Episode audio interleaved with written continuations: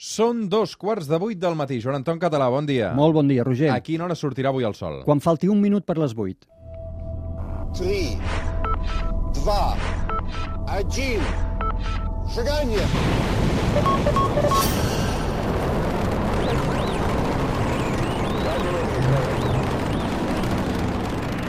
One small step for man,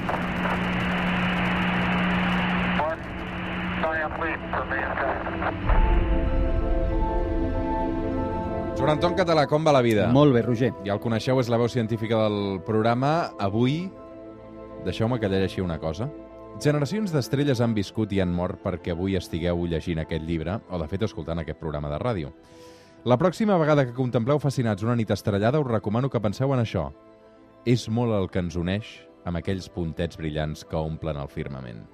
Així acaba Som pols d'estrelles, un dels millors capítols fascinants que podeu trobar al llibre del Joan Anton Català, 100 qüestions sobre l'univers, i que aquí a la Terra es plana sovint fent servir d'inspiració i bàsicament um, subscrivim no? aquest és molt el que ens uneix amb aquells puntets brillants que omplen el firmament. Què vol dir exactament l'expressió som, fo- so, som pols d'estrelles, Joan Anton?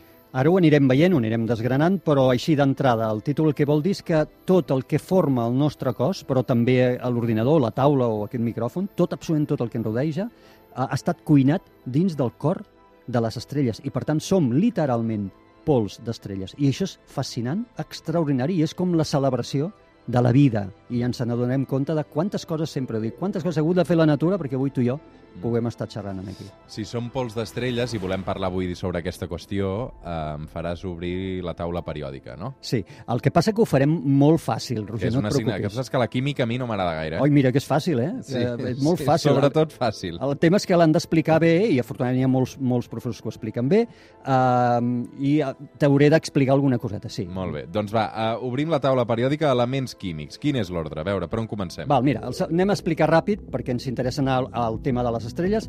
Els elements químics. Tot el que veiem eh, i som està fet per àtoms, i aquests àtoms donen forma als elements químics de la natura. La taula periòdica, que la recordem de quan anàvem a l'institut, ordena tots els elements químics eh, per un ordre determinat, de, de l'1 al 118, que seria el darrer que coneixem. L'ordre com és? L'ordre és molt fàcil i fixa-t'hi que fàcil és entendre-ho. Si recordem el que és un àtom, un àtom està format en el seu nucli per protons, electrons que donen toms en aquest nucli i moltes vegades neutrons. Però ara oblidem, només quedem-nos en els protons. Doncs el nombre de protons és el que dona l'ordre dins de la taula periòdica. Per exemple, el número 1 de la taula periòdica és l'hidrogen. Quants protons té? Un. A L'heli és el segon. Quants protons té? Dos. I així van tirant. Qui, quants protons tindrà a l'element 118? 118 protons. I així és de fàcil. És a dir, la- l'ordre que segueixen a la taula periòdica els elements és el nombre de protons que tenen. Ara mateix coneixem 118 elements, Sí, no? sí, el darrer d'ells es diu oganesó i és un element que és sintètic, vol dir que es forma dins dels laboratoris, perquè d'aquests 118, a l'urani, que és el número 92, és el darrer que es troba de forma abundant a la natura. També es troba una mica de plutoni, que és el 94, però l'urani 92 és el darrer que es troba en abundància. Tots els que venen a partir del 92 fins al 118, molts d'ells, la majoria són sintètics, no els hem trobat mai a la natura, o en molt poca quantitat, i els generem dins del laboratori. Alguna vegada, de fet hem explicat que aquests elements es van crear durant el Big Bang, no? Fa més de 13 milions d'anys. Eh, 13.800 milions d'anys, 13.800 milions d'anys és el Big Bang, que n'hem parlat molts cops al programa. En aquell moment es formen els dos primers. Anem a la taula periòdica un altre cop. Te- te- Teníem número 1, l'hidrogen, número 2, l'heli. Doncs aquests dos elements es formen, una mica de liti és el número 3, però anem a simplificar-ho, es formen en el moment del Big Bang.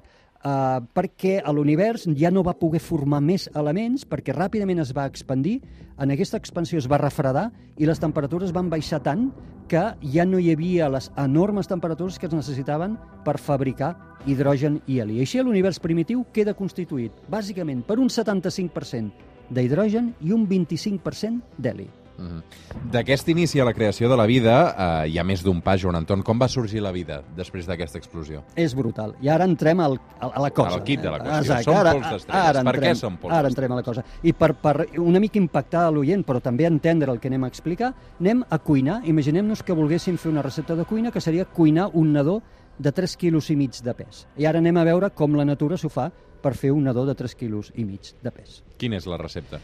Doncs d'entrada hauríem d'anar al supermercat de la vida, de la natura, a comprar ingredients per cuinar. I aquests ingredients per a aquest nadó de 3 quilos i mig serien els següents. Atenció, 1,8 quilos d'oxigen, 700 grams de carboni, 300 grams d'hidrogen, 77 grams de nitrogen, 43 de calci, 34 de fòsfor, 4 gramets de potassi, 4 de sofre, 4 de, soci, de sodi, 4 de clor i quantitats menors de magnesi, ferro, fluor, zinc, silici, rubidi, estronci, un munt d'elements. Tot això és el que hauríem d'anar a comprar, ho posaríem en una olla, remenaríem aquesta mescla durant 3.800 milions d'anys, que és el que ha trigat la natura, en fent i, voilà, el que ens sortiria és un petit humà de tot això. Molt bé.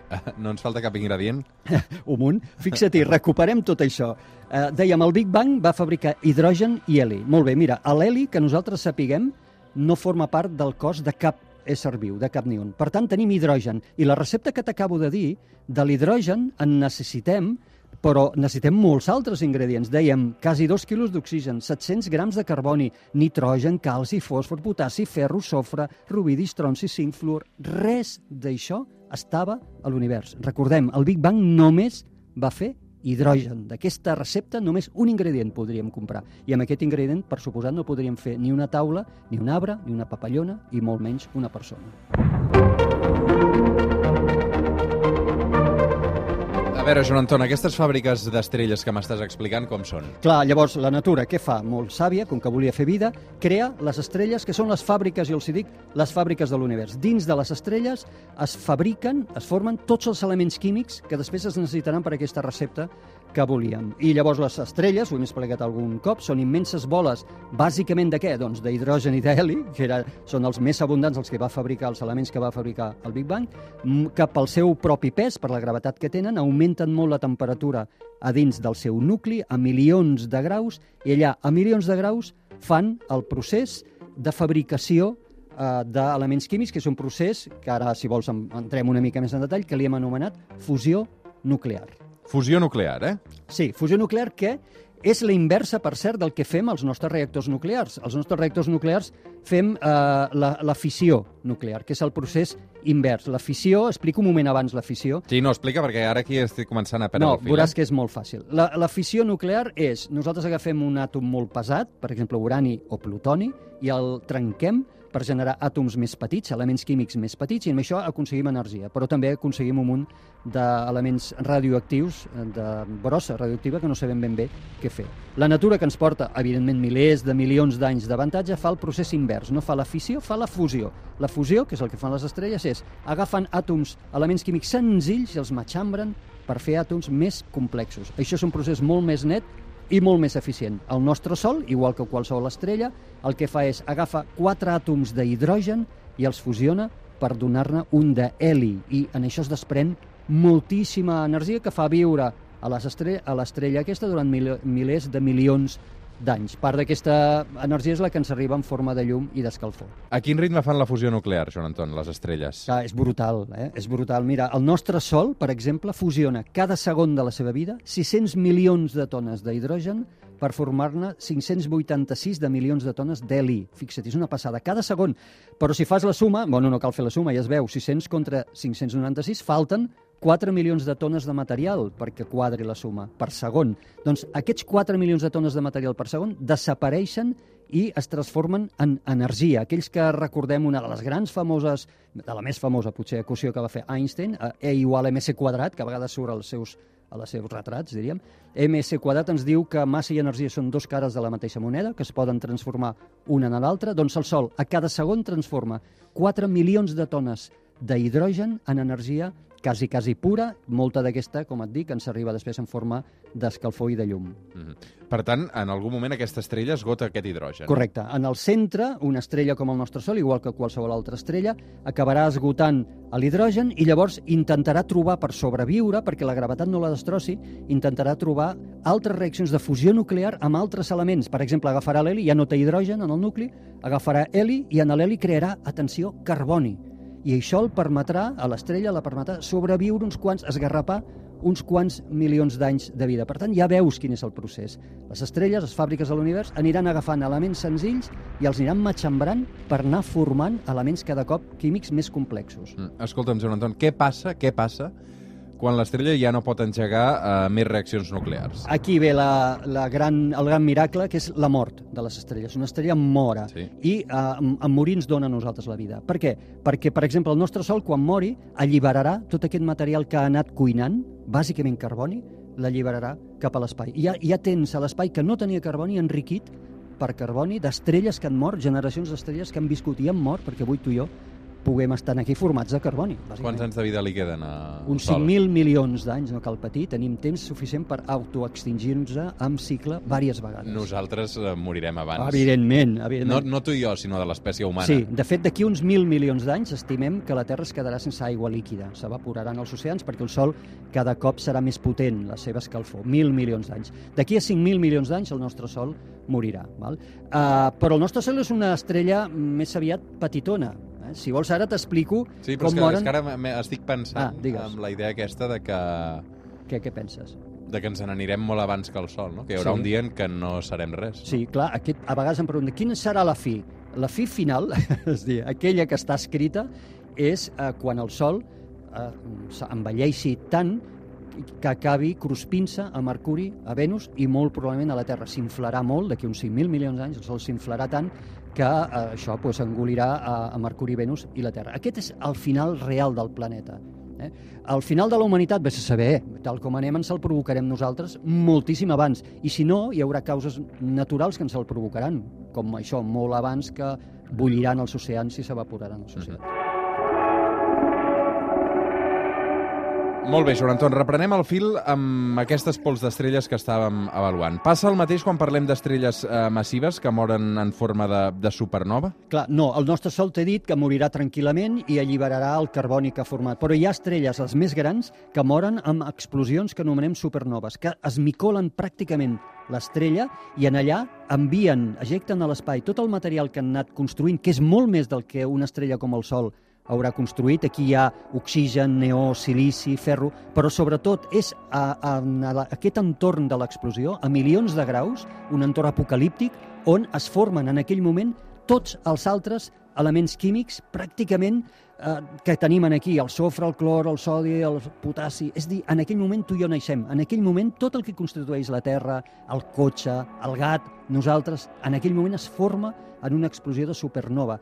I són elements que se'n van a l'espai, que són impureses, de les quals estem fets. I Mhm. aquest és el, el fet més fascinant. Joan Anton, ens continuen faltant elements per això, no? Sí, els més pesats de tots, per exemple, els, els, els persiats, el- l'or o la plata dels anells o de les arracades, eh, també la natura ha trobat forma de fer-los i bàsicament el fa fent explotar estrelles petites com el nostre Sol. El nostre Sol no ho farà, però hi ha estrelles com el nostre Sol que tenen un company, una altra estrella acompanya, i pot ser que entre les dues al final facin que la jubilació de l'estrella solar no sigui tan tranquil·la com abans he dit, i en aquestes explosions es formen també els elements químics més pesats, o també en la fusió d'estrelles de neutrons. Això genera un enorme desplegament d'energia i aquesta energia serveix per fer l'or, la plata, el platí, i aquí ja veus que tenim, n'hem acumulat tota la taula periòdica. Hem començat només amb hidrogen i heli, i fixa-t'hi, les estrelles han fabricat tota la resta.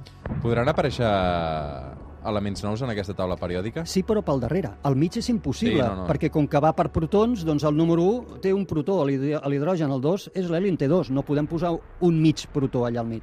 Sí, és possible que per sobre del 118, però de moment ja et dic, els 118 i els anteriors són artificials, mai no els hem trobat a la natura. Els que ens importen a nosaltres són els més simples, els que la natura lògicament utilitza per fer coses. La natura no se n'anirà a utilitzar a l'element 118 per fabricar planetes o persones. Anirà a buscar l'element 8, el 6, el 7, és a dir, els més senzills, el nitrogen, el carboni i l'oxigen, anirà a buscar aquests. Som al suplement, som a Catalunya Ràdio, som Pols d'Estrelles.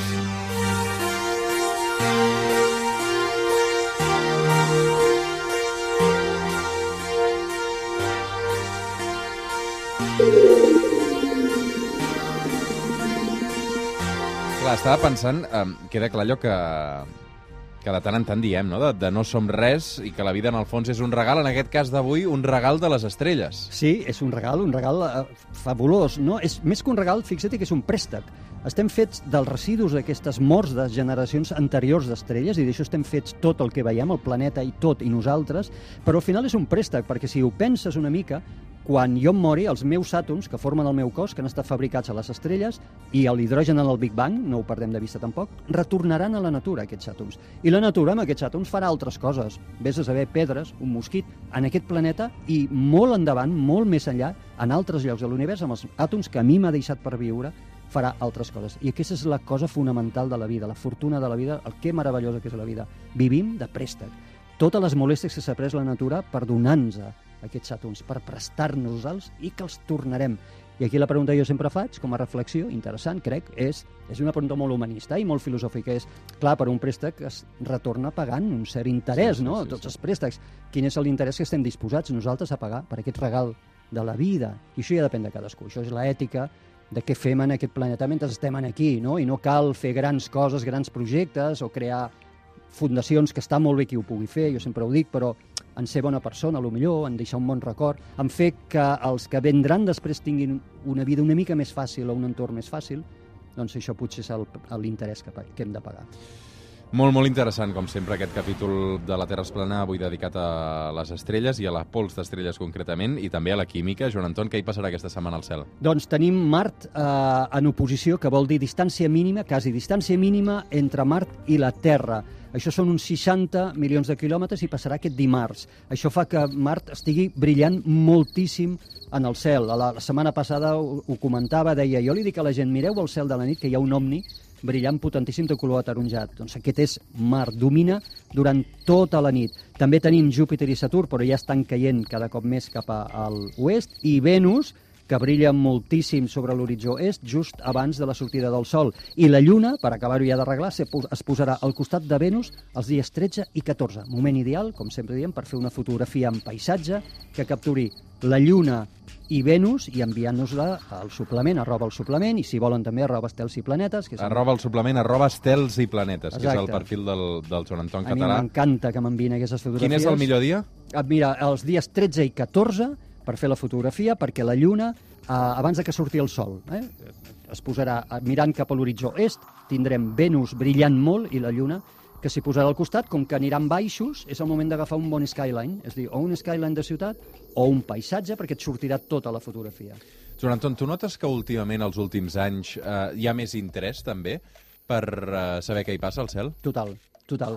Jo Està de moda, no? S'està posant de moda, la qual cosa em fa molt feliç. Uh, I estem fent molta gent petites contribucions i m'agrada molt veure com hi ha un gran seguiment a xarxes. Ara que dèiem això de les fotografies, com cada cop hi ha més gent que fotografia el cel. I la qüestió no està en la fotografia, perquè jo les repiulo totes. Fins i tot aquella gent que em diu l'he fet en un mòbil i apareix moguda. És que no és la fotografia, és el fet de mirar al cel, el fet de donar-se en compte i reflexionar sobre tot això que, per exemple, parlàvem en aquest programa, no? mirar el cel i pensar si hi ha vida fora, què fem en aquí, d'on venim, com va aparèixer la vida a la Terra, què són les estrelles, no? aquesta fortuna de la vida que dèiem, i això, mirar el cel, és la font d'emoció, i no ens la poden treure. Aquí la qüestió és que hem de recuperar els cels i hem de fer que els nostres gestors urbans ens retornin o preservin els cels perquè els fills dels nostres fills en puguin gaudir, perquè tal com anem, no ho podran fer. Però el cel serà sempre nostre, no?